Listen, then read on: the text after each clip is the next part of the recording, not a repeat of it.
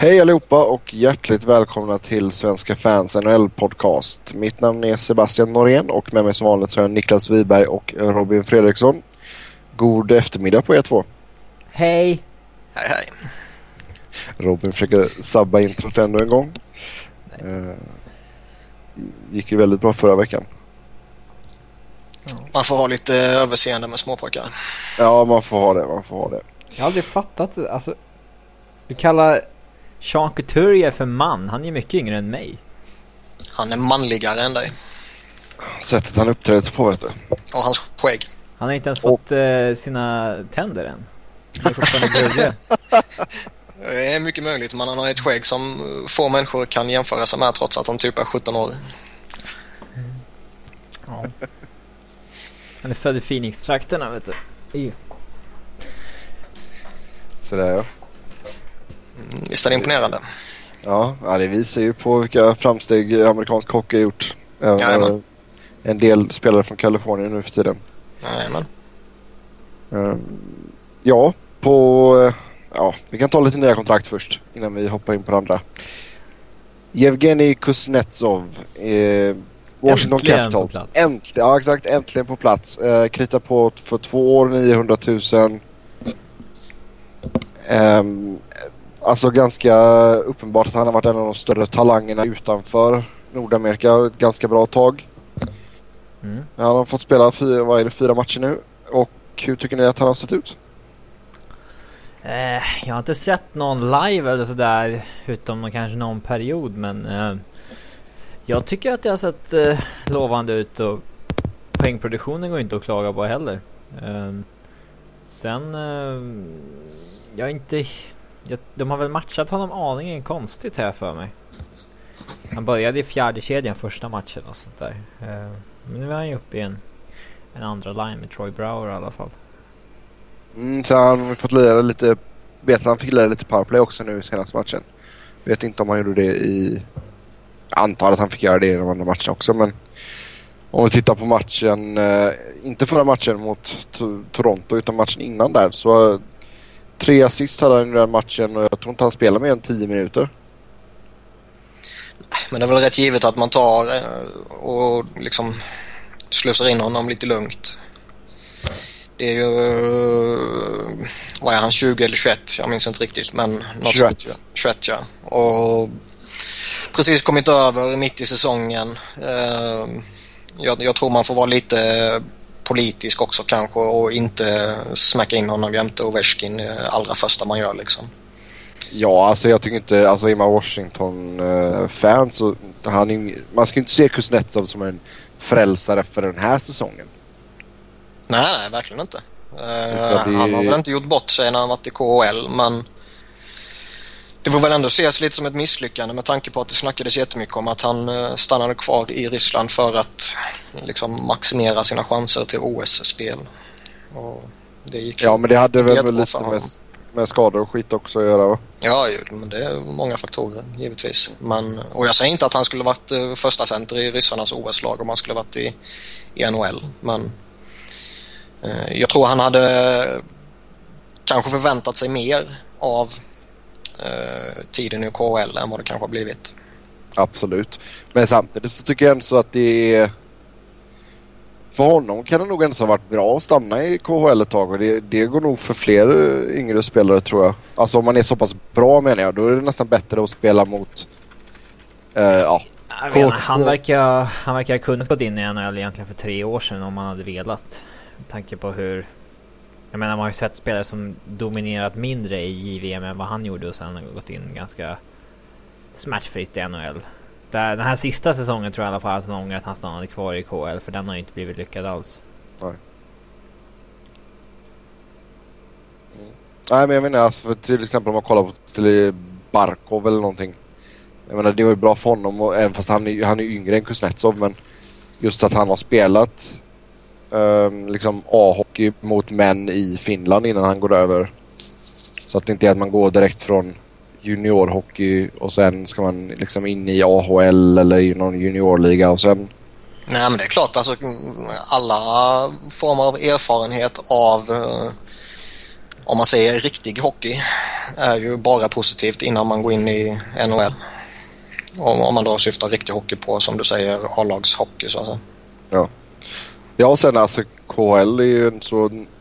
Det, visst det är inte NHL-klass men det är ju en sån tuff liga och det är hårt spel och allt sånt så jag, han, jag tror inte han kommer bli eh, förvånad över det fysiska spelet. Nej, det, det, tror jag generellt sett oavsett om man pratar KHL eller elitserien eller uh, uh, vad ska man säga, vad finns det mer för vettigt i Europa? Uh, typ, SM-liga? Ja, SM-liga eller tjeckiska ligan och sånt här. Allting som där man spelar mot vuxna karar istället för att spela juniorhockey är positivt. Sen har juniorhockeyn fördelar också. Jag menar det, det finns ju en fördel att innan man gör debut i NHL har gjort en säsong eller två på, på rinken där borta till exempel. Så jag menar, det ja. får man ju väga fram och tillbaka vad man tycker är bäst och det är ju olika från person till person och från spelartyp till spelartyp och mm, känns som det är viktigare för till exempel en målvakt än kanske för uh, en eh, uh, center. Jo, det är sant. Ja, och sen alltså det, nu ska vi inte komma allt för långt off topic här men alltså det beror ju lite på som du säger också spelartypen. För jag menar liksom, det kan vara en kille som är en given liksom topp i ett lag och sen så ska han spela lite AHL och sen så kommer han upp till till NHL och så sätter man honom i en fjärde kedja och så blir det pannkaka och så åker han ner igen och ja. Mm. Så det har jag ju sett med många talangfulla spelare som inte får den rollen de egentligen ska ha. Men, Fast den, sen är det ju generellt liksom, lagen har ju bråttom att få upp de här spelarna. Inte bara för att de är talangfulla och duktiga utan för att de i de flesta fallen är billiga. Vilket ju är jätteviktigt under lönetaksvärlden. Absolut. Ja, um, som jag sa där, håller ni med mig att det, det är ingen kille som ska frälsa detta laget den här säsongen? Nej. Nej, det är det verkligen inte. Men det är ju inte heller någon som uh, påverkar dem negativt. Utan det, de, har, de har ett jävligt tufft schema in i, i slutet här nu. Och uh, de behöver ju verkligen all hjälp de kan få. Och där, han kommer säkert bidra med några poäng här och där. Och sen är det fortfarande den befintliga stommen som måste leverera liksom. Ja, alltså sen det, nu ska vi inte prata ner hans abilities här heller utan jag tror att detta är ju nästa stora ryska stjärna. Jag vet inte om det är Malkin, Ovechkin, Datsuk, Karsak nivå men... Uh, uh, Nej men strax under och det är en så ja. om, du, om du tittar på vad som kommer över från Ryssland till NHL nu så är det inte så mycket. Kuznetsov och Tarasenko är ju de potentiella nästa stora liksom. Ja, Washington signade även Dimitri Orlov. Eh, två år, två miljoner i cap hit på, på den mannen. Spontant känns det väl som att eh, två miljoner på dagens marknad är liksom en axelryckning för en försvarare som eh, spelar ordinarie och som ligger runt eh, 20 minuter. Eh, Sen är det väl på inga sätt en, eh, en superförsvarare. Utan eh, de behöver väl mer hjälp än att signa upp honom om man säger så. Men uh, ja, nej, det är inget dåligt kontrakt. Nej, på tal om dåligt kontrakt. Reto Berra. Fint namn. Colorado. Tre år fick han och en capita på 1,45 miljoner. Ja. Robin, ja, du har säkert någonting att säga om detta. Nej, jag tycker att det är förvånansvärt högt och långt med tanke på att han är eh, så oerfaren på NHL-nivå och det lilla vi har sett på NHL-nivå eh, har inte varit speciellt bra heller.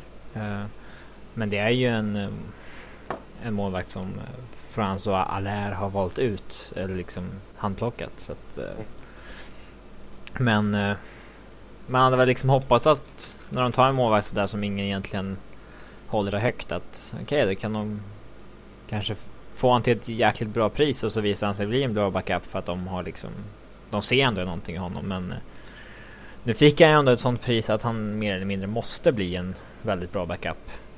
Uh, så det ja, det återstår väl att se. Det har inte bara ett långt kontrakt eller förhållandevis långt kontrakt som har skrivit och det kostar ju en del att ta dit honom också. Ja. Så det är som att säga, han måste ju bli den här eh, kompetenta andra målvakten som man kan slänga in i princip vilken match som helst utan att vara orolig. Han måste bli den här generationens David Abisher helt enkelt. Det är väl det... Ja, Roy har försökt hitta en ny schweizare här. Men, alltså, det är ju... François Allaire, målvaktstränaren, har ju satt sitt förtroende till den här killen och det, han säger att det är en av de bästa students of the game som han har coachat och han har ju ändå varit med i svängarna rätt länge. Fast hans anseende var väl eh, lite sådär de senaste åren. Allaire? Ja. Eller vem är det jag tänker på? Ja, i Toronto så var det ju så. Men där blir ju... Där blir alla här. Ja, Ja, det är kanske det jag tänker på. han var ju tre år i Toronto. Eh, från 09 till 2012 och lyckades inte fostra någon väsen målvakt. Så att då... Ja. Då är det jag ett misslyckande. Nej, men jag kommer ihåg det var lite snack om att hans liksom, metoder och hans sätt att tänka och hans eh, Ja, Brian Burke gick, liksom eh, var... Brian ja, Burke gick ut och sa att det var lite outdated och sådär. Mm. Eh, jag, vet, jag vet inte, det. Det är svårt att snacka emot någon målvaktstränare på något sätt. De vet ju mycket mer än en själv. Så att, eh, det var ju Brian Burke som gick ut ganska hårt mot Allaire och sa det och... Alltså jag vet inte, det är ju... Mm, Jag tror fortfarande Allaire vet mer om målvaktsträning än Brian Burke. Han är ändå... Han började som målvaktstränare 1985 till just Patrick Ross så att de har ju... Jo, men alla kan bli gamla. Alla kan eh, liksom vägra anpassa sig till Mm. eh, vad som gäller nu. Jag säger inte att det är så, men eh, Nej men vi ser ingen målvakt som står uppe sådär i Colorado. Så är det ju inte. Nej. Nej, och jag tycker Varlamov har ju varit kalas. Ja, det var ju en del som trodde att Allaires eh, liksom struktur till eh, Varlamos liksom eh, råtalang rå talang och liksom snabbhet skulle bli en perfekt match och det ser ju ut att ha blivit. Hittills i alla fall. Och Leto Berra är ju en så här gigantisk målvakt. Eller han är liksom 1,95 lång och det är ju sådana målvakter som Allaire har jobbat lite med tidigare med liksom bygger mycket på storlek. Eh, Framförallt så var han väldigt lyckosam med just den nuvarande andra målvakten Juger när det gällde att, den typen av målvaktsspel. Så alla, alla de har igen, alltså Patrick Raw, Varlamov, Juger och nu Berra har ju alla liksom connections till François Allaire på något sätt. Ja, och sen det är ju det är nog inspirerande för både Berra och Varlamov och Roa som coach. Eller Mm. headcoach då. Fram till han får sina psykbryt. Ja men det är väl det. Alltså jag hade garvat tror jag. ja, det gör man en gång bara. Garvat och varit lite smårädd på samma gång. Eh, ungefär som om man hade haft eh, Alex Ferguson som tränare i fotboll. Ja, då. Man sitter nog inte och skrattar åt honom när han ger dig en utskällning. Nej, nej det kanske man, men om någon annan får en utskällning då hade man nog garvat. ja, det vet fan. Sen kommer det en sko flygande. Ja, men. Sen flyttar man till Madrid. Ehm, sen eh, John, Johnny Mitchell, också Colorado. Tre år, 1,8 miljoner landade hans capita på. Mm. Även kallad Johnny Malkin. Eh, han är ju Colorado-fansen lite tudelade till. Men jag, jag tycker väl att det är en eh, kompetent eh, tredje line spelare som han spelar lite fysiskt, han spelar lite eh, han gör också lite depth, bidrar med lite depth scoring och sånt där men han har ju lite tendenser i sitt spel som folk blir eh, lite smått galna på och därav nicknamet Malkin. Han eh, kan ju liksom Han får ju, alltså han vägrar ju släppa pucken ibland. Han åker runt och dribblar tills han tappar den det är, Ja, han tror ibland att han är lite bättre än vad han är. Och han fick ju det där smeknamnet i Toronto och det har ju hållit i sig sedan dess så det var ju ett tag sedan. ja. Men jag, jag har inget emot att ha honom på 1,8 miljoner dollar men... Eh, eh, alltså, tycker vi kanske lite fel att det är en sån... Jag tycker inte alla spelare ska få så treårskontrakt direkt. Man kanske, man kanske försöker bygga liksom en... eh, Ett lag som ska hålla ihop i väldigt många år och bygga en extremt stark grupp. Det är kanske så man satsar. Inte vet jag men... Det är fortfarande... Ja, jag vet inte. Jag skulle men inte ta en tredje liner i tre år sådär som är 29 bast. Det känns lite Nej. Ja, jag tänkte precis säga det. Känns det inte som att såvida du inte har en riktigt alltså eh, ung, väldigt lovande tredje lines kille så känns det väl inte som att liksom tre år, det är ja. Ja, Jamie McGinn signar jag gärna på 3-4 år. ja. Jo men alltså det är, på något sätt så känns det inte som att de måste vara så pass bra så att det är en kille som är på gränsen mellan att vara en tredje eller andra lines kille. Ja. För jag menar annars känns det bottom six, det känns liksom egentligen, det är sådana killar man skulle kunna byta ut vartannat år liksom. ja, så fort man någon begär lite för mycket pengar så tar man någon Ja. ifrån. Eh, men eh, alla spelare de har förlängt med, vilket är fem sex stycken eller något sånt här, de har ju, ingen har ju fått ettårskontrakt. Mm, vi får se. Men de har, har, de, har inte de fortfarande en del spelare som är, har utgående? Stasny och O'Reilly främst. Ja. Ja, O'Reilly kan väl nog begära ganska bra betalt nu va? Ja, men jag, jag tror inte att han vill eh, ställa till med något strul med nya liksom management. Den här gången tar, tar han det nog ganska lugnt. Eh, det är Och så är det hans farsa. Ja, jag vet inte men eh, ehm, Det är nog värre med Paul Stastny som blir UFA och han är ju väl den den överlägset bästa centern som landar på en UFA-marknad så att eh, i, ja, den här sommaren alltså. Mm. Så där, eh, jag tror alltså Kollar man på de som blir UFA i sommar av centrarna så är det ju Paul Stastny. Efter honom, Olli Jokinen, Derek Roy. Ja.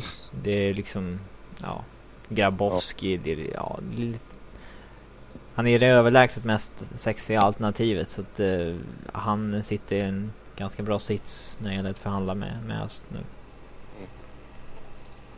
Ja, och sen det, alltså, det är ju en sån kille som det har surrat som väldigt länge att de skulle göra sig av med och sådär så det är väl inte helt otroligt att han te, i alla fall testar marknaden. Ja, testa. Jaha, testar han marknaden så tror jag att han, då, då är det kört. För Då, då sticker han. Ja, vi lämnar kontrakt därhen och eh, nu ska vi kolla på slutspelsracet för det är inte allt för många matcher kvar innan vi sätter igång med det roliga. Och eh, vi, vi kör division för division här och vi börjar med Atlantic Division. Och eh, Niklas, du kan väl bara dra eh, ställningen just nu i den divisionen. Ställningen just nu är väl så att eh, Boston har en, eh, vad ska man säga, rätt solklar ledning. Och då känns det Vunnit åtta att- raka. ja, åtta raka, 95 poäng. Ehm, jag sticker ut hakan och säger att de är slutspelsklara. Oj, oj, oj. Eh, bakom dem är det ju desto tajtare. Montreal tvåa på 81 poäng. Toronto 80 poäng. Tampa Bay 79. Sen ett litet, litet hopp till Detroit på 73 och Ottawa på 69. Och sen kan vi väl alla räkna bort eh, Florida och Buffalo nere i träsket. Mm. Lika bra som det gått för Boston, lika illa har det gått för Buffalo. Sex raka torsk. Som är ju inte... De vill ju förlora. Varken Buffalo ja, eller är klart. Florida har ju någonting med slutspelet att göra. Liksom. Det, Absolut. Frågan är Ja. Ottawa har det här. Alltså det, det känns som att de är eh, borta nu. Ja, det känns väl lite som att det är för mycket att ta sig förbi va? Det är, det är liksom att ta sig förbi både Detroit och Tampa. ja, det är tungt. Ja, Framförallt så känns det väl som att eh, det är, De är inte så bra många... heller. Nej, de är inte bra. Framförallt känns det som att det är så många lag, alltså om man tittar i kampen kring wildcard-platserna som eh, har fler poäng än dem. Mm. Så det är inte bara det att de måste ta sig förbi Detroit bara. Nej, det finns ju ska, i det här, en i det här läget. i Metropolitan också. Ja, ja, visst. Det är ju både New Jersey, Washington och Rangers. Den där uh, Bobby Ryan-traden kan se dålig ut med Bobby Ryan som free agent nästa sommar och ett högt draftval till Anaheim i den här sommaren. Ja, det får vi se vad som händer där men Ja. om, vi, om vi tittar på, eh, om vi räknar bort Ottawa då. Så kollar vi på de första, ja plats två till fem får vi väl koncentrera oss på. Och eh, vad tror vi där? Vi börjar eh, från toppen här. Montreal. De känns ju jävligt spännande. Ehm, ja, givetvis efter uh, Thomas Werner-traden här så, så ska det bli jävligt skoj att följa dem in i, in i slutet här. Det känns som att de har ett väldigt Eh, eh, vad ska man säga, de har bra bredd i laget och eh, den spetsen som de kanske har saknat kan de ju faktiskt ha fått in i Vanek nu. Och om man pratar offensiv spets då. De har ju, eller forwardspets rättare sagt. De har ju en sån som Markov och Subban och inte minst Carey Price som alla är riktigt bra i mina ögon. Men den här eh, som kan bära ett lag offensivt bland forwards har de väl kanske till viss del saknat nu skulle jag säga. Ja, det känns väl som att de skulle behöva en liten skjuts i målskyttet. Man eh, har gjort 174 mål. Samtidigt har man släppt in 174 också. Så är det. Ehm, man behöver ju förlita sig väldigt mycket på Carey Price i ett slutspel.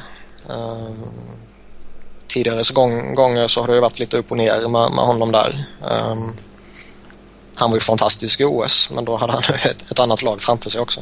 Mm. Så det, men givetvis måste han spela bra samtidigt som eh, de verkligen måste få igång eh, de här offensiva krafterna. Alltså de, frågan är ju om de har råd med att en eh, Brian Gionta ser ut som han har gjort eh, merparten av den här säsongen eller att eh, Danny Breer ser ut som, som han gör och, och så här va. De, veteranerna behöver kliva fram. Och det, det är alltid lite, lite vanskligt att förlita sig på en eh, Galchenyuk eller en eh, Gallagher eller något sånt där i ett slutspel. Mm. Ja, om vi kollar eh, nästa lag på listan då. Toronto. Man eh, är som sagt bara en pinne bakom Montreal. Men eh, det är ett lag, alltså man ger upp så många skott per match alltså. Ja, men de har ju målvakter som har visat att de kan hantera det hittills i alla fall. Eh, vad har det funkat i snart 70 matcher så kan det väl funka i 12-13 till tror jag i alla fall. Ja, alltså att de tar sig till slutspel det, det tror jag nog inte att det ska vara några större problem. Men alltså om man tittar in i ett slutspel, du kan inte gå, alltså då, då känns det inte som att ja, ger man upp typ 40 skott per match, alltså det, det kommer inte hålla. Nej, men ja, vi får se. Vilka de får möta och sådär. Det, det blir... Det, det man kan säga är väl att de har ett rätt eh, ja, halvjobbigt schema kvar i alla fall. Mm. Nu tror jag väl att eh, man i alla fall kommer sluta topp fyra i, i divisionen. Men eh, det är inte helt enkelt. Alltså man möter många av lagen som ligger och krigar om ett slutspelsplats. Och de har Detroit två gånger om till exempel. De har eh, Tampa Bay och de har Montreal och de har New Jersey, Philadelphia och sen slänger man in en Boston lite här och där och Tampa Bay igen. Och... Så det är inte helt enkelt. Utan det, det som de verkligen måste göra det är att vinna de här matcherna de har mot eh, Winnipeg och Ottawa och Florida och Calgary liksom. Då måste de ju svepa där ju. Ja. Ja, jag tror både Montreal och Toronto kommer gå till slutspel. Men jag tror att Tampa kommer gå om båda två. Motivera. Ja, de har eh, en poäng bakom Toronto, två poäng bakom Montreal. Eh, sen har de ju två matcher mindre spelade och de de har Vancouver härnäst. Eh, Toronto sen i en viktig match. Sen har de Ottawa två gånger. De har... Ja, de känns ändå ganska starka efter sen och i traden Trots... Eh, ja. Trots att de tappade en bättre spelare än den de fick in. Tycker jag i alla fall. Men... Eh, De har ju ett gynnsamt schema. Väldigt många av matcherna är på hemma is också. Ja. Så det, det var inte, jag vill inte ifrågasätta ditt utspel. Eh, Vi ville bara fördröja tid medan Sebbe försvann i samtalet. Ja, jag är kommit tillbaka. Ja, hej, ja. Hallå, hallå. Ja. Vad utspel? Vadå utspel? Niklas gick till attack, eh, men det, det är över nu. Okej. Jag, jag, jag sa att jag tror att Tampa kommer igång både Montreal och Toronto. Ja, så där ja. ja. Det beror väl mycket på om Stamkos uh, hittar formen. Ja, så kan vi säga. Ja. ja. Kan man ju säga. Det är jätteheta ut på, på slutet här. Eh, Nej, men de... Frågan är hur Lite många matcher bra, Stamkos behöver på sig innan han är eh, Stamkos. Stamkos, så att säga. Nej, men jag... De var ju dåliga där en period efter OS, men de har vunnit två nu och... Ja, de känns som de kommer ordna upp där ändå. De har ju hyggligt schema kvar och sådär. De, de har många bra spelare helt enkelt och en bra målvakt. Jag tror att de... Väl- eh, Väldigt bra målvakt mm, till och med. gigantisk målvakt. Men eh, Han är ganska stor. både Montreal och Toronto känns lite för liksom... Vack, de vacklar lite för mycket för att... eh, Ja. Jag håller Tampa snäppet högre helt enkelt. Men det som talar för Tampa det är väl att de har Bishop och för att de har en spetskompetens i Steven Stamkos. Och två matcher mindre spelade också. Jo. Det är ju avgörande när det är så här få matcher kvar så att säga. Ja, absolut. Ja, sen Detroit då. Är Ja. detta året de eh, missar slutspel? Det har väl gått, hur många år är det? 20 plus år? 24 eller något sånt där tror jag. Men... Eh, ja. Alltså jag tipp... Det är många här som har liksom gissat att... Ja, nu är nu är det både i fjol och kanske året in, inte året innan det förstår. Men eh, att det liksom... Nej, nu missar nog Detroit slutspel. Så, men så har det inte blivit så. Trots allt. Men Grejen, det, alltså, det känns lite som att är det någon gång det ska bli så är det ju i år. Med tanke på skadorna de eh, ja, lider av nu med, med Datsjuk och, och Zetterberg under en rätt viktig period och de har ett, eh, ett schema som eh, inte är jätteenkelt direkt med Toronto, Pittsburgh, Minnesota gånger två, Columbus, Montreal, Toronto, Tampa Bay, Boston. Montreal, Pittsburgh och St. Louis och sen någon enstaka match mot liksom Buffalo och Carolina typ. Det, Galet schema. Ja, det är skitsvårt. Och du vet, göra det utan... Uh, nu vet jag inte om Datsjuk kanske eh, kommer... vad heter det? Kommer hinna tillbaka och göra eh, ett rejält avtryck så att säga. Men Zetterberg är väl körd uh, grundserien ut om jag har förstått saken rätt. Mm. Ja, jag tror det i alla fall. Eh, det var länge sedan vi hörde något om Zetterberg. Det var bara att han skulle vara borta i 68 eller eh, åtta veckor där när han opererade. Alltså, Man såg ju Ja. Lidströms uh, tröjpensionering Ja. såg man ju att han, eh, han kunde ju knappt gå ju. mm. Och Nej, han, jag, läste häromdagen att eh, liksom, snart kan han köra bil igen. ja exakt. Snart kan han köra bil igen. Ja. Så han är nog inte en och en halv vecka från comeback liksom. Nej, Nej. börja träna efter det och komma i form också. Så han kommer nog slängas in ja, så fort han kan stå upp helt enkelt. Typ. Men eh, ehm, ja, om jag var motståndare då skulle jag nog inte dra mig för att lägga en välpositionerad crosschecking då och då på honom. Men eh, mm, Nej, alltså, både, vi har snackat mycket om hur liksom Detroit kanske är det laget som bärs av två spelare liksom som mest. Pittsburgh har ändå visat att de kan klara sig utan Malkin och Crosby vissa perioder och ändå liksom trumma på på ett sätt. I alla fall spela eh, mer än liksom 500 hockey. Eh, Mm. Men ja, man kan inte direkt beskylla Detroit för att liksom de har ju en goda ursäkter med tanke på hur få matcher Datsuk och Zetterberg varit friska i år. Och eh, framförallt med tanke på hur få matcher de har varit friska tillsammans. Eh, Mm. Det är ju extremt få. Eh, men eh, ja, man, ja, ja, jag ska inte skriva av dem helt men det känns... Eh, vi, vi kan enas om att Montreal, Toronto, Tampa går nog före i, i Atlantic i alla fall. Och då är det liksom... Det är många, det är, då ska de ta en wildcard-plats. Eh, det är väl den sista de kan ta då. Det är Ja. ju, då ska de förbi Washington, Washington. och eh, New York. Mm. Rangers, Eventuellt. Columbus eller Philadelphia. De måste ju om två av dem helt enkelt. Ja. Det, det blir tungt. De har ju liksom New Jersey hack i häl också så att det... Ja. Nej, om jag skulle vara orolig om jag hade på Detroit i alla fall. Det, Det, lill- det lilla hoppet de kan ha det är väl om en sån som Johan Franzén kan pricka in en sån där monsterform som han kan få ibland. Som han, det kändes som att han var på väg mot eh, efter OS här. Och nu har han ju gått poänglös i fyra matcher liksom. Så. Frågan är om det var en, en väldigt kort formtopp bara. Ja, ja, han, får, han får skärpa till sig nu så jag får lite fantasy points. Ja, det skiter vi. Alfredsson är nog lite... eh, inte så snyggt att gå till Detroit sista året för att vinna och sen så missa slutspel. Det... Nej men han kör väl ett år till va? det Miss, miss, missar de slutspel så tror jag nog att han kör ett år till. Frågan är om man flyttar på sig igen då. Ja. Kör en sista säsong jämte Crosby i Pittsburgh typ. Ja. Det, Ja, alltså, det, det, hade inte varit helt bjud, fel. bjud ut sig för hur lite pengar som helst. Gå till det bästa laget bara. Mm. Det, jag är förvånad inte fler gör det så här det sista året. De, när de inte har liksom... Ja. Har inte Ja, vunnit och dragit in hur mycket pengar som helst. Exakt, det är inte så att han behöver stålarna direkt. Nej. Nej, där håller jag faktiskt med dig Robin. Det är, det är lite underligt att inte mer spelare gör det.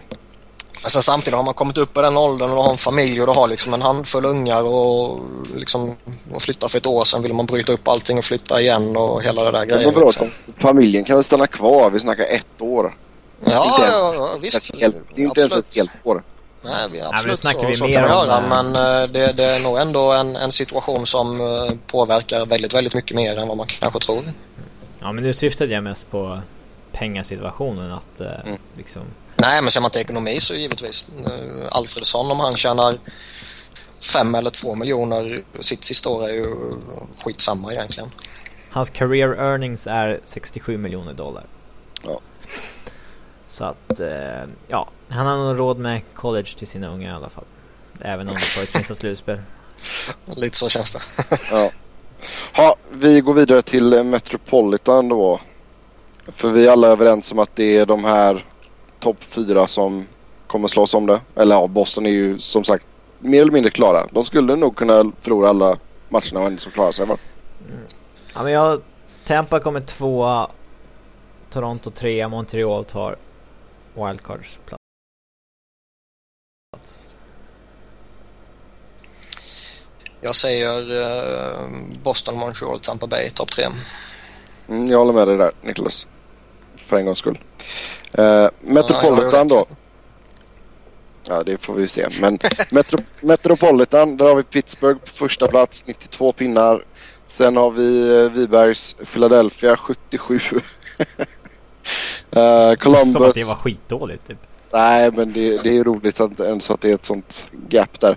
Eh, Philadelphia 77, Columbus 3 med 76 och sen New York 4 76, eh, Rangers då. Och sen eh, Capitals 74 poäng på femteplatsen och sen New Jersey 71 på sjätte och sen har vi Carolina och New York Islanders i bottenträsket. Mm. Ja, det är väl samma resonemang här som det var i Atlantic. Att eh, Pittsburgh kan man nog eh, inkludera i slutspelet redan nu. Mm. Även om de till och från var jävligt sunkiga i de här två helgmatcherna så eh, ja, är det nog mer en isolerad händelse än en pågående trend så att säga. Men det måste ju vara lite smått. Alltså jag, jag bara undrar för dig som ändå så gillar Philadelphia så mycket. Att börja säsongen så otroligt dåligt. Och sen nu så ligger man tvåa i divisionen och jag menar sista tio är man 7-2-1. Men inte säsongstarten, de hade lite överdrivet. Alltså... Hur dåligt var det igen? Alltså resultatmässigt efter 10 matcher eller så här. Det var ju rätt. Jag tror man vann typ två av de första tio eller något sånt där. Eller tre av de första tio. Något sånt var det Man bara. torskade Så ju de tre första med Laviolette i alla fall. Ehm, något sånt där var det. Så det var ju riktigt jävla sunkigt var det. Ehm, så det är ju alltså det är en jätteskjuts man har fått och sen eh, var det väl, eh, det var ju några veckor i början där och sen typ när Claude Giroux gjorde sitt första mål mot Edmonton en bit in på säsongen. Sen har det ju tagit, tagit fart. Sen har det givetvis varit lite berg och dalbana nästan hela tiden. Men ehm, ja, jag hade ju inte en tanke på att man skulle vara tvåa i divisionen i, när man såg inledningen på säsongen. Mm.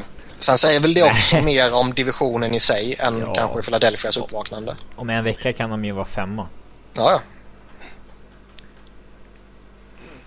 Mm. Ja. Har ju Chicago det Blues och liksom Kings inom fyra matcher så att det... Ja, nej, man har ett av de svåraste kvarvarande eh, spelschemana liksom. Det, nej, men det var ju otroligt viktigt att man vann här mot, eh, mot Pittsburgh gånger två.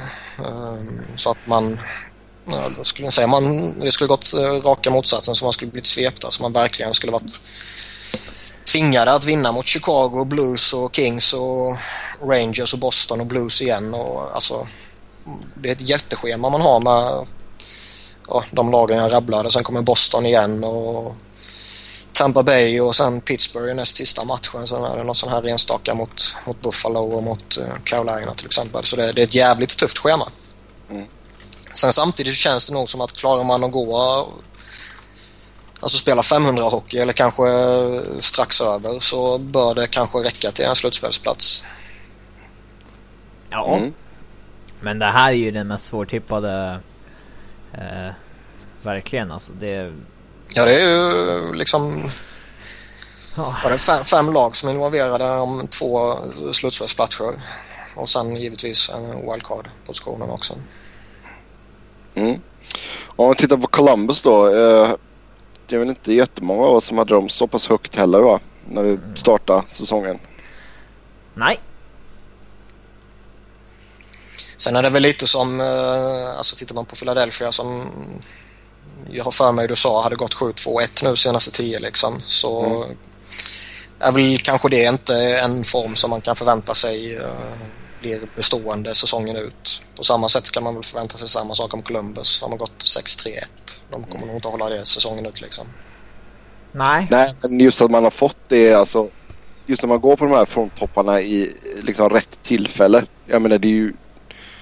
Det är ju oerhört viktigt som du sa där för Philadelphia att man slog Pittsburgh nu två, två gånger om och att man ändå får Ja, det gick bra mot Washington dels innan liksom. Så jag menar, Ja.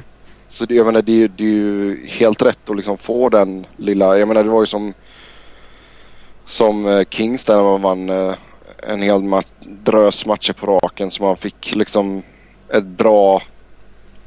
Man liksom cementerade tredjeplatsen i Pacific. Mm. Så sen är det klart att Metropolitan är ju mycket jämnare division än vad Pacific är. Men som du säger, man hade ju kunnat... Hade man torskat här nu så hade man ju kunnat vara femma istället liksom. Ja, jag menar det räcker verkligen med en formtopp eller en formdipp. Och så har det varit hela säsongen i Metropolitan. Alltså lagen har ju hoppat upp och ner hela tiden.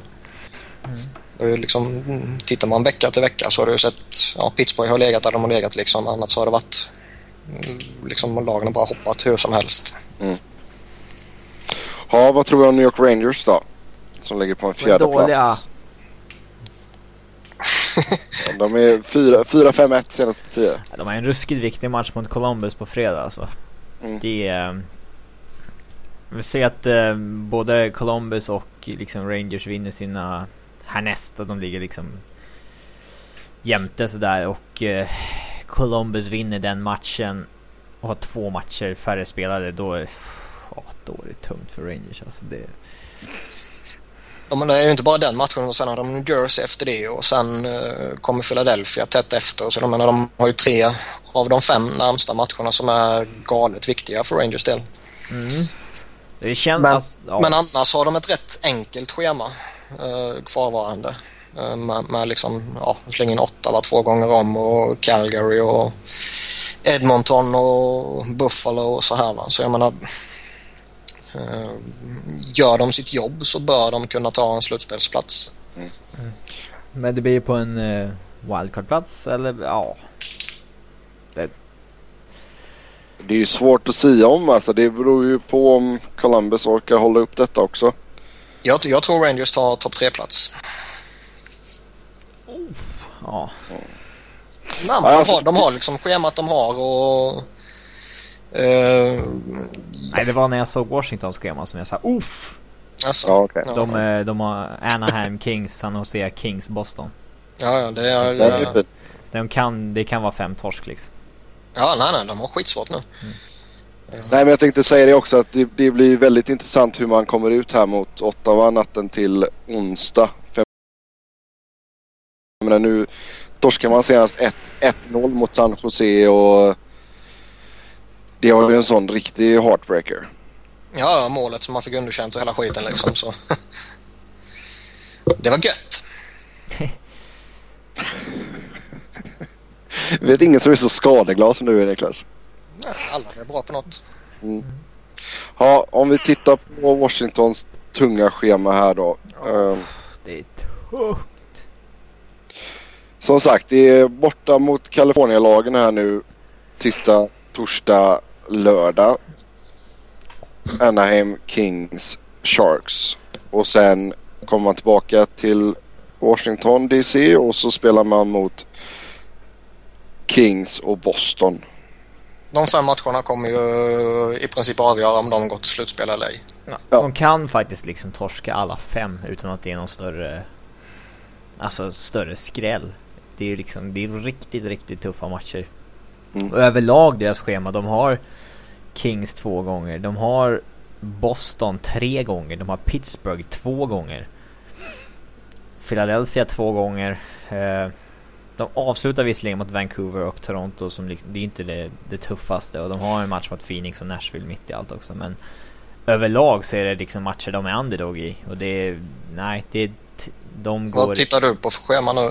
Ja, det undrar jag med. Vadå? Mm, för det du säger är helt fel. Vad kollade jag på för schema då? Jag tror du tittar på spelade matcher senaste tiden. Ja, sorry. Men ja, Utan, eh, de, de har inget enkelt schema kvar som sagt som USA utan det, det är eh, släng in en Dallas som fortfarande har Ja, jag tänkte säga det. Ska jag, västra, ska, jag, som- som- ska jag dra rätt schema eller? Det drar ja, inte alla väl, väl. tolv matcher, det är skitmycket. Men, Nej, nej, men alltså det, det, de fem har vi redan sagt där och sen eh, svåra matcher kvar där också. Ja, som du säger, man har Dallas. Sen har man New Jersey, man har St. Louis kvar. Och sen avslutar man säsongen, sure på hemmais, men Chicago och Tampa. Ja, nej, det är skittufft. Jag menar, de, de här fem matcherna, de avgör allting. Eh, torskar de de fem, då kan de lika gärna börja plocka fram golfklubborna direkt ju. Eh, eh, vilket, som Robin sa innan han började flumma till sig med fel schema, så är det ju inte alls en omöjlighet att de torskar alla fem. De är, känns visserligen ganska på gång nu med Halak och Kuznetsov och... Men det där schemat är ju... Det kan ju verkligen fälla dem. Rangers har ju mycket lättare de närmsta matcherna. De, de har ju viktiga matcher sett till vilka de möter men det är liksom inte motstånd som de på pappret bör torska mot. Ja, nej, nej, Columbus, det- Jersey. Ja. Caps har ju topp-topp. Mm. New Jersey då, är de för långt bak här eller är de fortfarande med i ra- racet? De är med i allra högsta grad, även om eh, två torsk här nu på raken nog var ett rätt tungt slag för dem. Men de har ett tokenkelt schema i princip. Tokenkelt. Nästa fem. Boston, Minnesota, Rangers, Maple Leafs och Phoenix.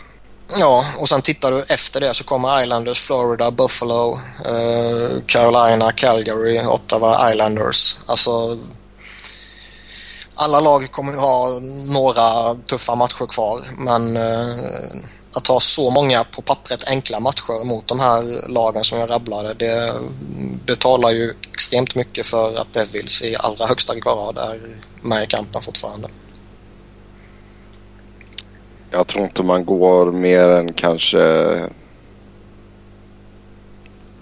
ja, strax över 500. Sen, Ja. sen beror på, alltså, men- menar du att man är med i kampen om topp tre eller wildcard? Nej, wildcardet. Jag tror man är för långt borta för topp tre. Nej, för, topp nej, top tre tror inte jag heller. Men, men eh, att man kan ge sig in på, på allvar i, i kampen om eh, någon av wildcard-platserna det ser jag definitivt som en eller möjlighet, inte omöjlighet. Nej, jag vet inte. Jag, alltså man kommer vara nära det tror jag, men jag, jag tror inte att det... Ja, det är nog, alltså, all, allting kommer ju avgöras i typ omgång 81-82. Ja, det är ju spännande i och för sig. Ja, det, blir, Alltså- det, blir, det, det känns ju verkligen som att det kan bli som eh, 2010 när, när Flyers gick till final där man eh, vinner sista matchen för säsongen vid straffläggningen mot Rangers och går till slutspel på Rangers bekostnad. Det känns värdigt att en slutspelsplats avgörs av en straffläggning ändå. Nej, det är smutsigt. Jävla skiten ska man inte hålla på med. Men det är ju skoj när, det av, nej, det är ju skoj när liksom en, en jättelång säsong avgörs in i det sista. Det är det som är Absolut. charmen liksom. På straffar.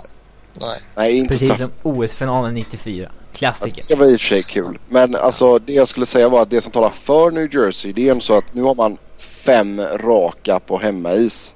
Och man har varit väldigt starka hemma. Frågan är hur hårt de matchar Schneider sista... Eh, för de har ju ändå gått till Brodeur ganska mycket nu på slutet. För att Schneider Ja, hade alltså- väl någon floppmatch där men alltså... Såvida man inte kör, alltså såvida man inte har back-to-back och jag tror bara man har Jag tror bara man har en back-to-back kvar. Så tycker jag nästan man kör på Schneider. Tre stycken har man. Nej, fyra. Alltså Schneider har haft, jag menar fyra eller tre framförallt raka skitmatcher. Men eh, det är väl därför de har gått till Brodeur på slutet som har vunnit lite men... Ja. Jag skulle nog satsa stenhårt på Schneider och köra säsongen ut. Hoppas. Nej, grund han bättre målvakt. Ja, absolut. Jag försöker titta här. Hur många back-to-back hade de? Fyra. Fyra stycken. Ja, Okej, ja men då får ju Brodeur stå fyra matcher då. Kanske. Beror på hur viktiga matcher blir. Jo, jo det är sant. Jag vet inte, jag gillar inte riktigt att köra samma målvakt back-to-back. Det beror på lite hur första matchen har sett ut. Har målvakten haft tokmycket att göra eller har han haft en rätt lugn uh, kväll liksom. Det, det beror lite på situation till situation känner jag. Sen håller jag med dig generellt så skulle man vilja splitta mellan målvakterna ju. Men, Jo, men för vå- det, men det Vågar man verkligen göra det när man går in i det här skedet av säsongen? Nej, det är i och för sig jävligt sant. Det är en men- jävla balansgång där. Ja, nej men det är bara för att man har... Jag vet inte, man är väl lite blind av eh, statistiken där också. För generellt sett så går det ju mycket sämre för en målvakt när han spelar back-to-back. Ja, men det kan lika gärna vara... Alltså den, man kan ju inte exkludera utespelarna ur eh, ett sånt resonemang heller. Nej, absolut inte. Eh, ja, och sen eh, som sagt Carolina och uh, Islanders är körda. Mm, De kan dra åt helvete. Nej, dra åt helvete behöver de inte göra men det är... Nej, men Nej, det är många Jag lag tycker- förutom var inte så PK. det. Nej men jag tycker alltså Carolina, jag, jag gillar ändå så de Men lite ja, såhär ja. inför säsongen. Ja, alltså, det är ja, jättesynd om dem. ja. Ja, det är det. Speciellt Islanders och Garth Snow också, stackars Ja, jävlar. Nej, Garth Snow tycker jag inte synd om men Islanders-fansen de har det tufft just nu. Uh, vi hoppar över till västkonferensen. Nej, du och, måste säga vilka som går till slutspel först. nej, det vet vi redan. Okej. Nej, jag skojar bara. Det är klart vi ska göra det. Pittsburgh är ju mer eller mindre klara som sagt. Um, spelar, spelar Philadelphia 500 eller eh, en eller två matcher över så bör de vara lugna. Så att vi Sen- säger det bara för de har en poäng mer så känns de ganska safe. Hade de varit på samma poäng som Columbus och Rangers hade man tyckt att det kan gå hur som helst. Ja, det får du tycka om du tycker. ja, jag tror det blir Pittsburgh, Philadelphia och Rangers som tar topp tre. Ehm, med viss reservation för vem som kommer tvåa och vem som kommer trea. Jag tror också Pittsburgh, kanske Rangers, sen Philadelphia. Uh, sen har jag ju sagt att ena wildcardet är i Atlantic. Då står det väl det sista mellan Columbus och... Ja, det hänger väl på ifall Detroit kan kanske liksom få en boost på slutet. Men jag just nu säger jag att Columbus tar det sista wildcardet. Det håller jag med om. Då är vi eniga där. Mm. Uh, västra konferensen. Nej, Så Nähä. du vad hade för wildcard? nej. Du kan inte bara köra över mig så Sebbe. Kan jag alltid försöka. ja, det är, det är sant. Ja. Nej, som, nej, som jag sa innan, jag tror på New Jersey. Jag tror Det de är en bomb. Ja, jag tror Det de är kan ta- verkligen Vad ger spelbolagen på det? Ingen aning. Nej, borde vi kolla. Men det, men det, Släng, släng in en hundring på det. Hur säker är du? jag är jättesäker för det är en sån sak som man verkligen inte vill ska ske så därför kommer det ju ske. Det resonemanget lutar jag mig mot. Okej, bra. Då går vi över till västra konferensen. Nu kan vi göra. vi bör... Nu kan vi göra det. Då börjar vi med Central Division och... eh, ja, Världens bästa division. ja, exakt. Uh, St. Louis 99 poäng.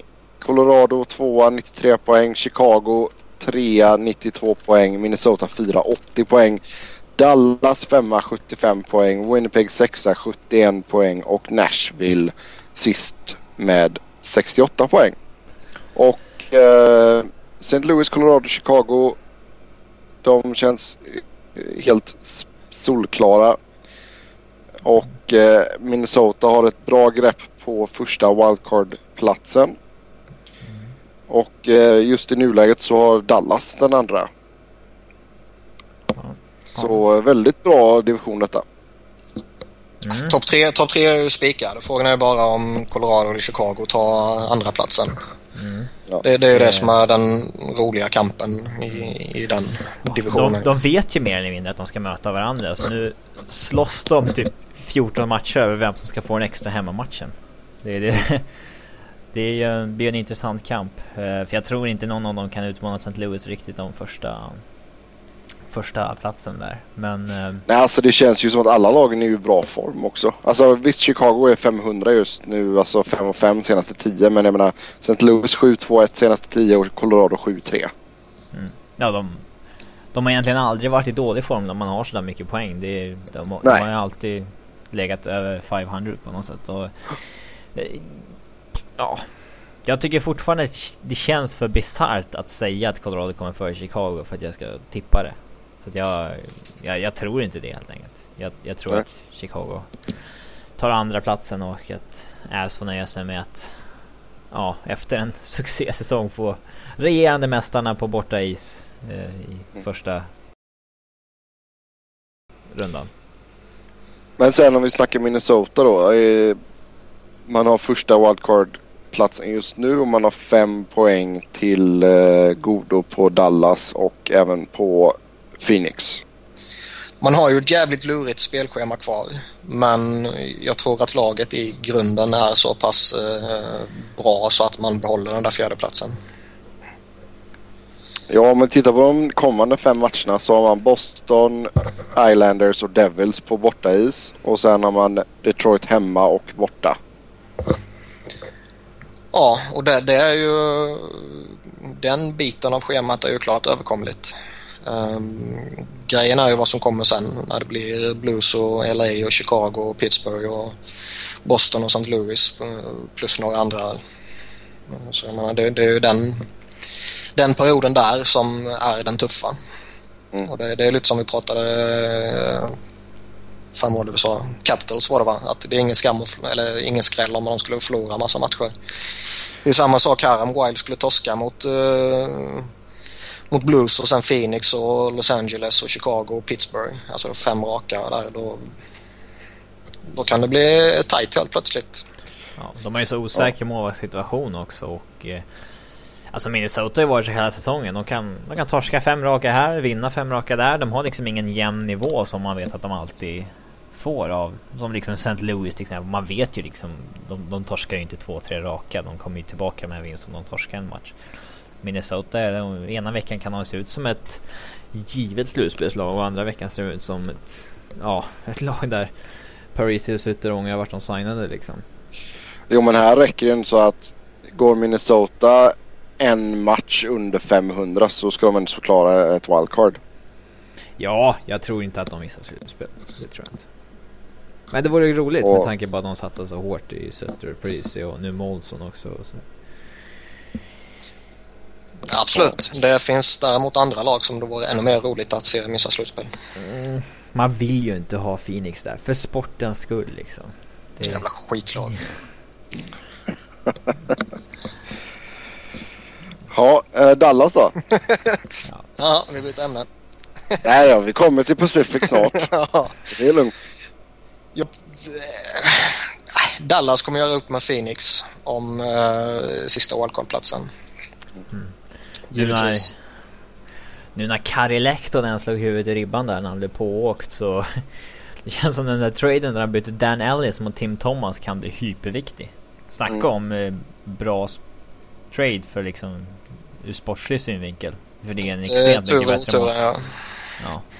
Det, han har inte, ja, han har inte haft jättefina siffror första matcherna nu i, nu i Dallas. Men alltså det är klart att jag går hellre in i en avgörande tio matcher med Tim Thomas än Dan Ellis. Han har ändå Ja, vi, visat, visat att han liksom, han kan fortfarande Thomas. Det har han visat. Eh, De, de har ju annars ett, alltså ett, ett hyfsat schema. Eh, De har liksom här Pittsburgh och Chicago och St. Louis och, och så va. Men annars är det liksom rätt överkomligt motstånd också med De har Philadelphia, de har Ottawa, Winnipeg och Nashville och Carolina och Florida och liksom sånt där.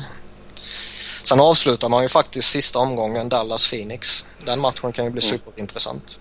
ja, det hoppas Ja, det alltså blir en ändå- avgörande match. Det hade varit kul. Ja, det hade varit väldigt trevligt. Men grejen där också är att man har ju just nu då skulle Dallas och Phoenix landa på samma poäng så går Dallas vidare för man har två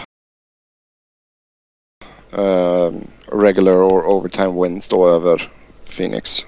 Man har 29 just nu och Phoenix har 27. Sen är ju Tyler Sagan och Jamie Benn är ju liksom, de är skitbra verkligen. De, Ja, de är riktigt duktiga. de kan ju bära det här på egen hand i slutspel. Så det, det tror jag nog fan de gör också. Ja, det vet fan. Ah! Får vi, se- får vi se. Får vi se. Um, men Winnipeg eh, känns det som att de är för långt borta med tanke på att man är fyra poäng bakom och har två matcher mer spelade. Ja, De, de är körda. Plus att formen är 3-3-4 just nu senaste 10. Medan Dallas är 6-3-1. de tog väl ett sista, sista, sista halmstrå kanske när de vann mot Dallas igår. Men eh, Ja. jag skulle nog fortfarande säga att de är körda. Det får de gärna göra igen när de möts nästa gång. Ja, det. 7-2. Eh, sen ja, Nashville, Nashville har haft otur. Uh, Pekkarina har varit borta mer eller mindre hela säsongen. Mm. Så det är väl inte jättekonstigt att de är sist i en så pass bra division. Ja. Eh, ja, men vi är alla överens om att topp tre går vidare samt Minnesota bör klara sig om man spelar 500 hockey. Så är det. Eller vi slår Eh. fast att alla tror att Minnesota går vidare helt enkelt. Ja. Ja. Pacific då. Eh, där hittar vi Anaheim etta 97 poäng. San Jose tvåa 97 poäng även de. Men en match mer spelad. LA tredjeplatsen 82 pinnar. Phoenix 4 75. Vancouver femma 72. Och sen Calgary och Edmonton i bottenträsket. Det man kan säga är ju att eh, det kommer bli så jävla hyperviktigt för eh, Anaheim och San Jose att försöka ta första platsen. Mm, inget Ja, ja, Kings i en första runda. Annars Nej, det vill man undvika. Betydligt behagligare att få Minnesota som det ser ut att bli. Så det kommer bli ett sjukt intressant race. ju. Man, det är inte så att man kan cruisa in i... Alltså de är ju slutspelsklara, så man, men man kan ju inte cruisa in i ett slutspel och... och ja, men du vet den här stjär- stjärnan, han kanske... eh, Ja, men han vilar vid två matcher här nu. Eh, Bara, Mm. bara, för, bara för sakens skull liksom. Det, det har man inte råd med om man vill undvika Kings, vilket man Nej. bör vilja undvika. Temu, Temu får spela lite mer matcher nu. Ja, han är nog skitsamma. Han, ska de hålla honom fräsch så måste han nog vila sina matcher ändå. Ja. Men eh, om man tittar på lite andra eh, nyckelspelare som både Dax och Sharks har så... Ja, nej, jag ser ju hellre Anaheim i första runda än San Jose faktiskt. Ja, alltså, det, vore ju det vore ju spännande att se Anaheim mot LA i en första runda. Eh, Ja, det är ju klockrent. ja, jag tror att... spela Eh jag tror att San Jose går om i alla fall. De har sett så... det där ja, solida Anaheim som vi har sett sen Boudreau tog över har ju börjat vackla lite. Fast de har ett jävla spelschema, Anaheim. Alltså de har uh, Florida, Calgary, Edmonton gånger tre. Uh, Winnipeg, Nashville. Alltså det, mm. det är jätteenkla matcher där. Sen är det några tuffa då mot bland annat Sharks och Kings. Har inte Sharks ganska liknande? De har ju Florida, Calgary. Edmonton. De, de har ju typ samma, samma lag kvar. Ja, det har jag inte tittat på ännu. Då har båda i superenkelt då. Vi kan säga att det, är, match, blir rätt viktig match när de möts. ja, exakt. De möter varandra två gånger. Ja, och då, ja, det avgörs ju där helt enkelt. Det, det, blir spännande. Men ja, alltså jag tycker att San Jose har sett eh, liksom betydligt mer på gång. De växer liksom in i slutspelformen medan Anaheim har börjat vackla lite senaste månaden. San Jose har ju betydligt bättre bredd. Alltså där, där Anaheim i princip har mm, Perry och Getzlaff som eh, man verkligen måste rida på in i ett slut, slutspelsrace här och in i själva slutspelet så har ju San Jose typ sju stycken offensiva kuggar som, som alla kan bära laget. Plus att man uh, tradade bort playoff Penner också. Fan vilken fin assist han gjorde till uh, ett av Washingtons mål igår. Ja, jävla flyt. Riktigt snyggt faktiskt. Um, ja, sen har vi ju LA då, tredjeplatsen. Uh, lite, lite såhär ingenmansland. De är ju mer, de är ju klara också liksom. Skulle jag säga. Uh, ja, det skulle krävas en episk kollaps för att de skulle missa det. Och det, alltså det sker ju ja. inte med Kings. De vaknade till lite där efter du krävde Sutters avgång. I... Ja, verkligen alltså. De vann väl åtta raka efter just det. Ja. ja, det är den klassiska reverse jinxen liksom. uh, vi har en ohyggligt eh, track record när det kommer till eh, snackar vi skit om någon så går de på en riktig tear och eh, hyllar vi någon så brukar det gå rätt ner i toaletten. Mm, jag brukar vara duktig på det. Så eh, Dallas kommer vinna alla sina matcher som är kvar av säsongen. De är helt otroliga och eh, Tyler Seguin kommer att bli MVP. Så, då var det gjort. Eh, Sen som sagt Phoenix på fjärdeplatsen, 75 pinnar. Eh, slåss med Dallas där då om sista wildcard-platsen och... Mm. De slåss ju inte med någon i Pacific liksom. Det är väl Vancouver alltså, men de är ju... Ja, det känns som att Vancouver det är för... Jag tror inte att de kommer gå över 500 nu. Och eh, Phoenix har två matcher mindre spelade. Så nej, jag tror inte Vancouver är tillräckligt bra för att uh, ta sig förbi både Phoenix och Dallas. Alltså deras record senaste 30 matcherna måste ju vara något helt brutalt. För de hade ju... Vancouver fick ju med Tortorella en mycket bättre start än vad Vigneault fick i Rangers. Mm. Alltså mycket bättre. De hade ju likt alla lag i West typ så dubbelt så många segrar som förluster efter en 20-30 matcher jag för mig. Mm. Men sen, det har ju kraschat utav helvete. Men... Ja. Eh, ja. nej jag tror inte de kan rå på Phoenix. Faktiskt. Nej alltså grejen med Vancouver är att man gör ju alldeles för lite mål. Alltså det är, det är ju ingen secondary scoring överhuvudtaget där. Och sen när då... Det är ingen primary scoring. Nej, jag tänkte säga det. när, när till och med Sedinarna liksom eh, viker ner sig så... Mm. Ja, man kan ju inte bara skylla på att det är Tortorellas spelsystem och sådär. Alltså... Ryan Kessler skadad nu också så det kommer att bli tufft. Ja. Mm. Alexander sen... Burrows har kommit igång lite på slutet. Men det var... Mm. Ja, alltså too, Henrik... Too little, too late. Daniel Sedin är ju dessutom borta resten av grundserien mm. vad det verkar. Så att han kan ju inte komma igång. Nej. Och eh, Henrik Sedin... Mm, alltså...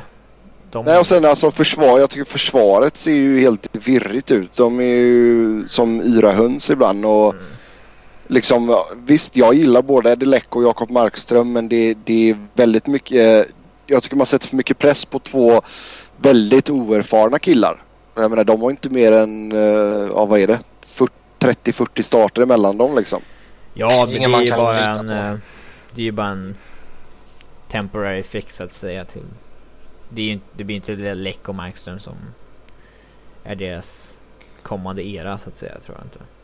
Ja, det hade varit kul att se. Jag gillar det. Alltså, har vi haft så många helsvenska målvaktspar i NHL? Sala och Söderström. Ja, det sätter ju skräck i alla. Um, Ja men de var väl okej på sin tid, jag för mig. Salo. Tommy Söderström är ju eh, rätt cool. Han har väl, eh, han har väl eh, rekordet för mest nollor som rookie i Philadelphia. Det är mycket möjligt. Det har jag faktiskt inte koll på. Fem stycken. Det sa han på Mästarnas Mästare när han var med häromdagen. Så där. Ja, nej men då alltså om vi, om vi ska brotta ner oss lite i wildcard, eh, sista wildcardet där då mellan Phoenix och Dallas så Alltså det, jag ger ju klar fördel Dallas absolut. Jag tycker inte Phoenix har ju haft väldigt svårt att sätta ihop ett an, alltså flera vinster på raken om man säger så. Man har liksom man spelar skitbra och slår typ Philadelphia eller mm, Pittsburgh och eh, Chicago och sen spelar man apdåligt när man möter lag som man ska slå. Alltså, li- lite så här spontant och lite övergripande så känns det ju som att Phoenix kanske är det mer homogena och bättre laget. Men Dallas kanske har spetskompetensen som kan få dem att lyfta lite i, i liksom slutskedet här nu. Ja, Men om vi tittar, om vi tittar närmsta, närmsta fem tror jag kommer avgöra detta. För vi snackar ändå så LA på bortais eh, i natt. Natten till tisdag.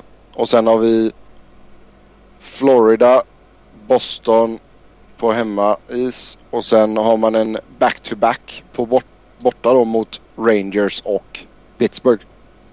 Dallas har väl ganska tufft schema också. Ja, men alltså jag tror att får du, går du 1-4 här till exempel då, då tror jag att då viker man ner sig alltså mentalt. Ja men jag tror att alltså Alltså Dallas kan mycket väl göra det också. Det är, Ingen av dem har vidare enkelt eh, schema närmsta matcherna. Sen tror jag alltså det hade ju varit extremt viktigt för Phoenix att ta sig till slutspel. Även om man eh, ryker i en första runda så eh, man får åtminstone två hemmamatcher. Man får in lite pengar.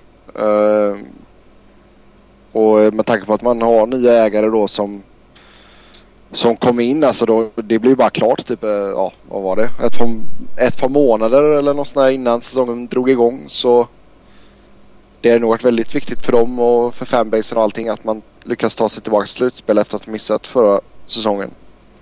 Men eh, tar man sig dit så tror jag att man ryker dirra så man kan nog bli svepta till och med. Men alltså grejen är ju samma sak kan jag säga om, om Dallas som vad har de nu liksom 5-6 år eller något sådär utan slutspel. Mm. Eh, så kan de få eh, en slutspelsplats här nu. Sen har de torskat fyra raka men liksom det, man får en slutspelsplats. eh, Man har lite ny eh, generation på uppgång då med, med Ben och Seguin i spetsen liksom. Så då kan nog det ge organisationen en liten skjuts också. Mm. Så det är som sagt det är en superintressant kamp mellan de två som förhoppningsvis kommer avgöras i sista matchen. Ja, hoppas. Mm, det har varit eh, riktigt coolt faktiskt. Jag tippar Eh, Dallas. Mm. Jag får ju faktiskt eh, hoppas på Phoenix så jag får gå på lite, i alla fall två slutspelsmatcher. Jag säger eh, Phoenix och hoppas jag har fel. Det är roligare för sporten om vi får se spelare som Sagan och Ben. Faktiskt. Ja, det håller jag absolut med om. Jag tror Dallas har ju större chans att skrälla än Phoenix har.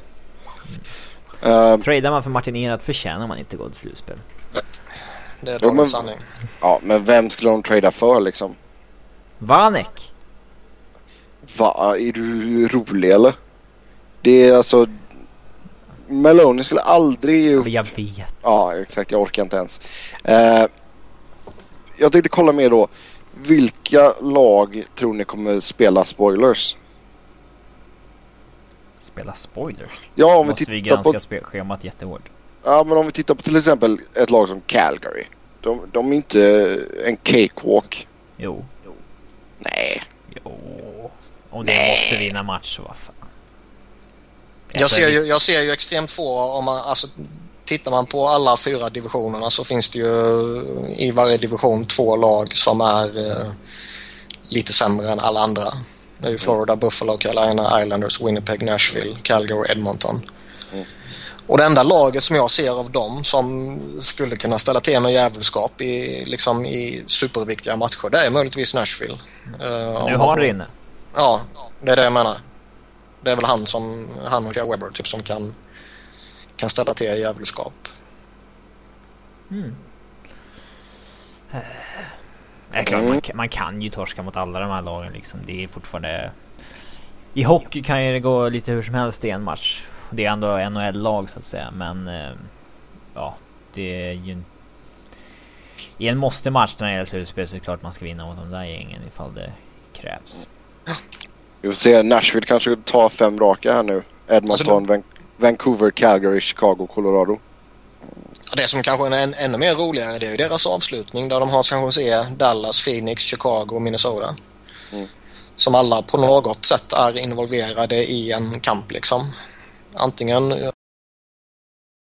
Ja, vi sa Chicago, Colorado där om den kampen eller San Jose, Anaheim i, i sin kamp uppe i toppen där eller Mm. Dallas, Phoenix som kör mot varandra och, och Wild som kanske eh, är involverade på något sätt också. Så avslutningen för deras del kan ju bli hyperintressant faktiskt. Ja, mycket att se fram emot. Det, det är ju inte många matcher som inte betyder någonting i alla fall nu kvar på schemat. Och det är ju alltid roligt. Så är det. Så det, det skulle vara när det är så här Buffalo, Florida eller någonting som man kan kanske kolla på något annat. De man matcherna kolla- är ju totalt ointressanta även om matcherna skulle gälla jättemycket. Kan man kolla, kan man kolla på Mästarnas Mästare istället? ja, Ja, något annat ni vill tillägga? Ska vi prata lite eh, Modano och Lidström? varför Eller inte? ni, ja. Båda herrarna eh, stora legendarer får man ändå så säga och eh, båda fick sina nummer upphissade i taket. Eller taken. Och om vi börjar med Mike Modano. Eh, en av de största, om inte den största, amerikanskfödda hockeyspelaren i NHLs historia. Kanske. Ja, nej men det är inget snack om att det var en grym center som var rolig att titta på när han var mm, alltså bra, riktigt bra då innan eh, några lite, eh, vad ska man säga, tråkigare sista år. Ja, du ser att han gick ner så jäkla hårt på... Ja, alltså mer eller mindre från eh, 06 fram till 2011. Då var det inte samma, samma kraft som förr. Men eh, Fast han hade ändå två raka 20 målsäsonger. Det är ändå okej för en snubbe som liksom 36-37. Sen eh, Ja. förstår jag vad du säger och jag håller med det du säger. Men 20 mål är ändå det är en okej notering. Men visst, redan där började förfallet och sen är det de sista åren som var jävligt tråkiga och framförallt det sista året i Detroit. ja, onödigt. Väldigt onödigt.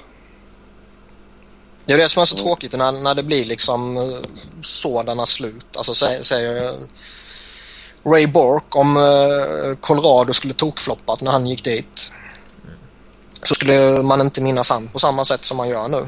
Alltså det, det man minns Mike Moderno för det är ju egentligen inte allt han allt det fina han gjorde under sin karriär när han gjorde 50 mål eller när han gjorde en hel radda 30 måls säsonger på rad och, och sånt här. Va? Utan det man minns det är ju sista året tyvärr. Ja, Nej, det, nej, det håller jag inte med om. Ja, jag gör det. Okej, ja det gör inte jag.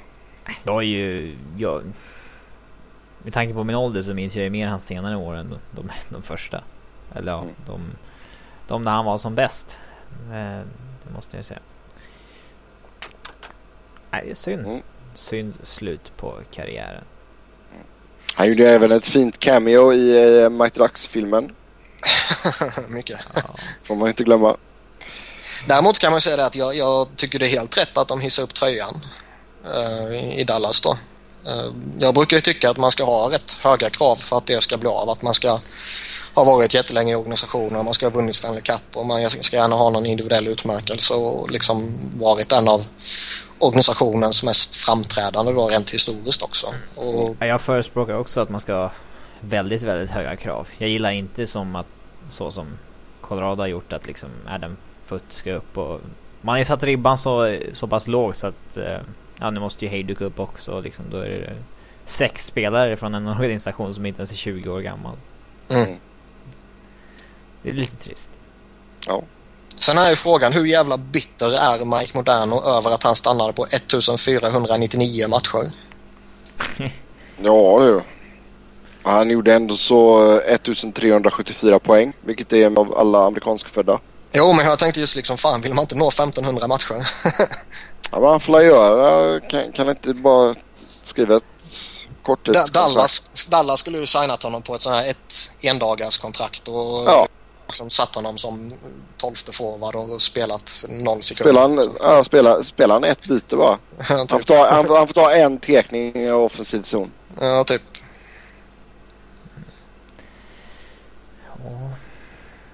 Vi, Robin vi inte med oss. Va? Jag funderar lite på över det här med poäng man har gjort. Man säger att han...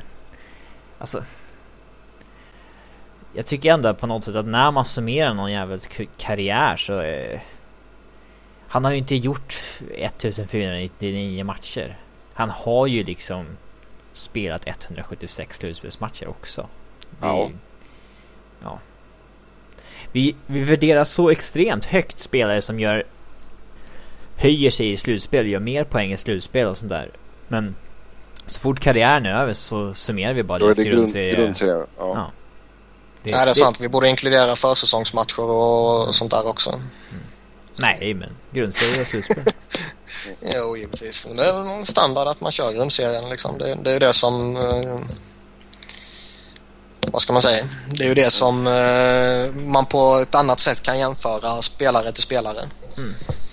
ja, men det, det blir ju så. Men det blir li- också lite udda när man firar någon så jäk, liksom 500 i mål. Men ja, han har gjort 60 slutspelsmål också. Gills inte de eller ja. Nej, de är oviktiga. ja. Ja, nu ska vi prata om Niklas Erik Lidström. Född 28 april 1970. Ehm, ja, vad ska vi börja? Fyra Stanley Cups. Sju stycken Norris Trophies. Uh, en Conn Smythe. 12 Åsmatcher. Uh, första svenska kaptenen att vinna Stanley Cup. Första europeen att vinna Conn Smythe. Första europé att vinna Stanley Alltså Cup som lagkapten också. Ja. Det, det här är en kille som förtjänar att ha sin eh, tröja i taget. Inget snack om saken. Eh, det är ju svensk hockeys största spelare utan någon större konkurrens i mina ögon. Eh, Ja, hans prime är ju liksom dubbelt så lång som Suddens och Foppas. Liksom. Ja, och han, han är ju liksom... Sen, sen är det alltid svårt att jämföra forward, back, målvakt. Men tittar man på bästa europeer genom tiderna så skulle jag väl sätta honom före Jäger, Curry och Hasek till exempel också. Jag tycker det är lättare att göra det i hockey än att liksom jämföra det i fotboll. I hockey är det ändå lite samma jobb på något sätt. Eh, Ja, det är klart. Så att... eh, Nej, han är Men alltså det, mer- meriterna talar för sig själv. Även, även om det är en, en lagsport och bla bla bla. Och... Visst, man kan alltid föra argument för att nej, men han gynnar sig så mycket av att spela i det laget han spelade i och bla bla bla. Men det, ja nej, det finns liksom... Han är en vital del att de blev det laget de blev. ja, exakt. Och liksom jag, jag ser inte hur man kan motivera mot att det finns en större svensk hockeyspelare än Niklas Lidström. Det är klart, vissa liksom kan hävda liksom här Börje Salming och sådär men meritlistan mäter sig inte riktigt med... Eh, men det är ju... Börjes story är ju en, en annan story men... Ja, Ja, nej, den är ju minst lika respektfull. Eh, och jag menar, det är mycket möjligt att Niklas Lidström aldrig skulle kommit till NHL om det inte vore för Börje Salming till exempel. Ja, exakt. Men eh, alltså i, i slutändan så är det ändå eh, lagets eh, bedrifter och individuella bedrifter som man bedömer. Och jag menar, det finns ingen som kan mäta sig med Niklas Lidström med hans eh, Stanley Cups och hans eh, Norris Trophies och alla All-Star-matcher, alla All-Star-lag och alla, ja, hela köret. Ja, Första kapten och bla bla bla liksom. Ja, triple, triple gold member också. Jo, Det, det är faktiskt en, det är sköna namn på den listan alltså. En hel del svenska faktiskt. ja. så är det. Mm. Förutom Lidström så Kronwall, Zetterberg, Mikael Samuelsson, eh, Peter Forsberg, Håkan Loob, Mats Näslund och Thomas Jonsson. Mm, fint två fel typ. Mm. ja, Uh, nej men alltså det går väl inte egentligen att uh, liksom overestimate hur mycket Lidström har presterat för Detroit och hur mycket han har betytt även för svensk hockey. Och jag menar jag tror att det är mycket Lidströms förtjänst att det ändå så kommer upp så pass många talang för, eller att svenska talanger vill bli backar också. Ja, det är klart. vi, vi har en extrem utveckling på backsidan i svensk hockey. Det är ju liksom... Ja men folk... Folk ser sina idoler på TV när de är små och vill spela i samma position som dem. Och det är ingen slump att det kom liksom hur många fransk-kanadensiska målvakter som helst efter att Patrick Raw var i Montreal. Nej.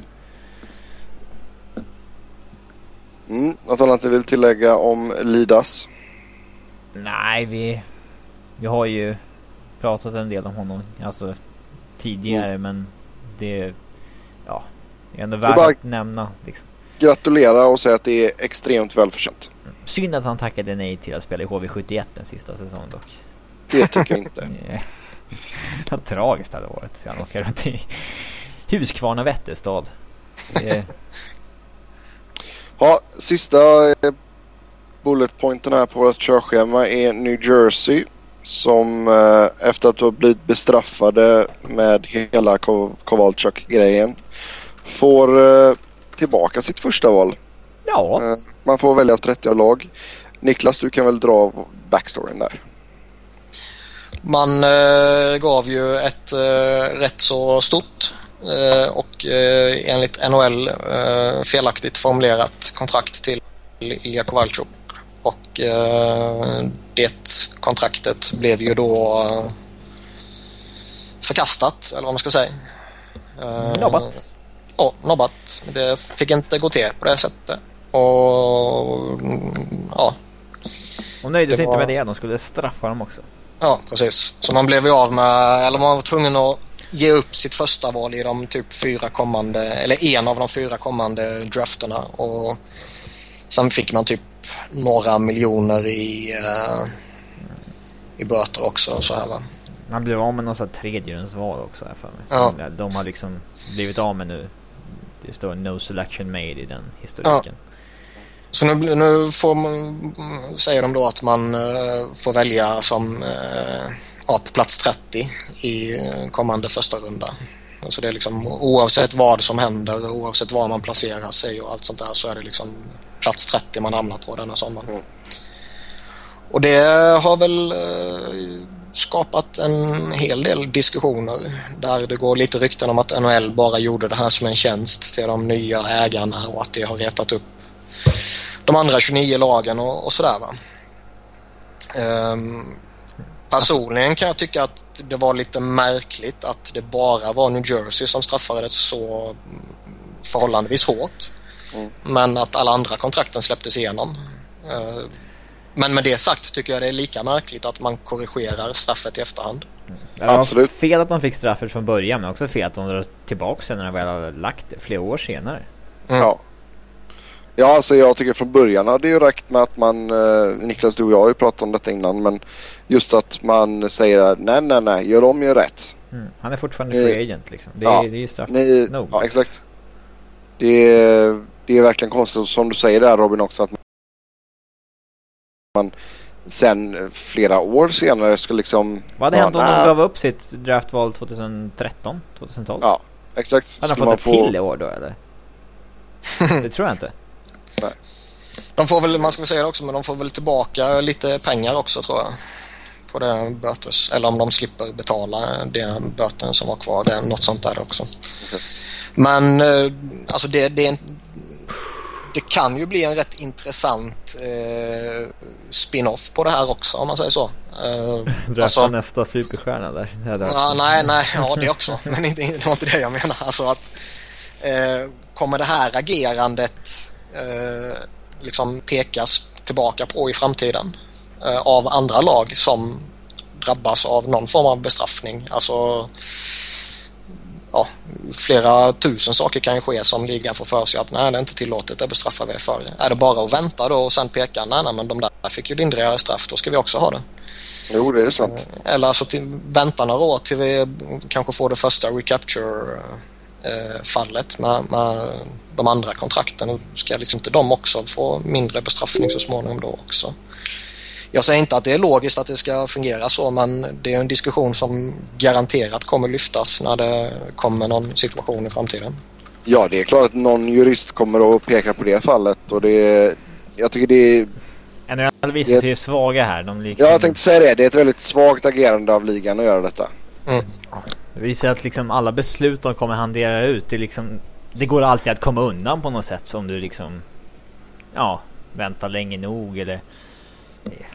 Liksom, man kan liksom gå tillbaka redan lite till det här att Raffi Torres fick liksom 25 matcher när Shanahan och hans killar tyckte att nej nu måste vi liksom markera mot den här killen och sen så ändrades det. När, när de liksom verkligen gör någonting större kraftfullt då måste de ju ändå Även om de kanske inser att nej det kanske gick lite för långt så att de får inte backa när de väl har gjort det. När de ska Nej. vara liksom en, den starka domstolen i de här frågorna. Nej, det är Ja. konstigt agerat. Ja, det är väldigt... Och jag menar, istället för att man gör ett fel då så gör man ju två fel. Så det är... Man började med att göra fel och man avslutar med att göra fel. Så vi får väl se vad som händer i framtiden och som du säger där med Shanahan och hans mannar i eh, den delen. De, ja, jag slutar försöka mig förstå hur de resonerar. Ja, det är, alltså, alla situationer är ju unika. Det är ju inte... Man får ju ha lite förståelse för de där grejerna. Jo, absolut. Men Nej, alltså... det finns ja, en gemensam nämnare. Det är skada eller inte skada. Det avgör allting. ja. Ja, det är i alla fall konsekvent vad det gäller det. Men sen är det ju, det är ju fel, men det är... Samma gäller för alla i alla fall. Det, det är inte som i Sverige där det liksom är... Alltså det är, där är ju tombola på riktigt. Jo, men det Där, är där avgörs det fortfarande... typ av medialdrev. Ja. Det, det är den stora faktorn. Mm. Ja, men som sagt vi har ett par... eh, Ja, är det drygt 14, mellan 14 och 12 matcher kvar här beroende på vilket lag man hejar på. Ja, så... Nej, riktigt spännande avslutning här av eh, säsongen innan slutspelet drar igång. Och vill ni snacka med hockey med oss så gör ni det via Twitter. Mig hittar ni på att Seb Noren. Niklas på att Niklas Wiberg. Niklas med C och enkel V. Och Robin hittar ni på R underscore Fredriksson. Tills nästa gång, ha det så gött. Hej! Hej hej. Hej!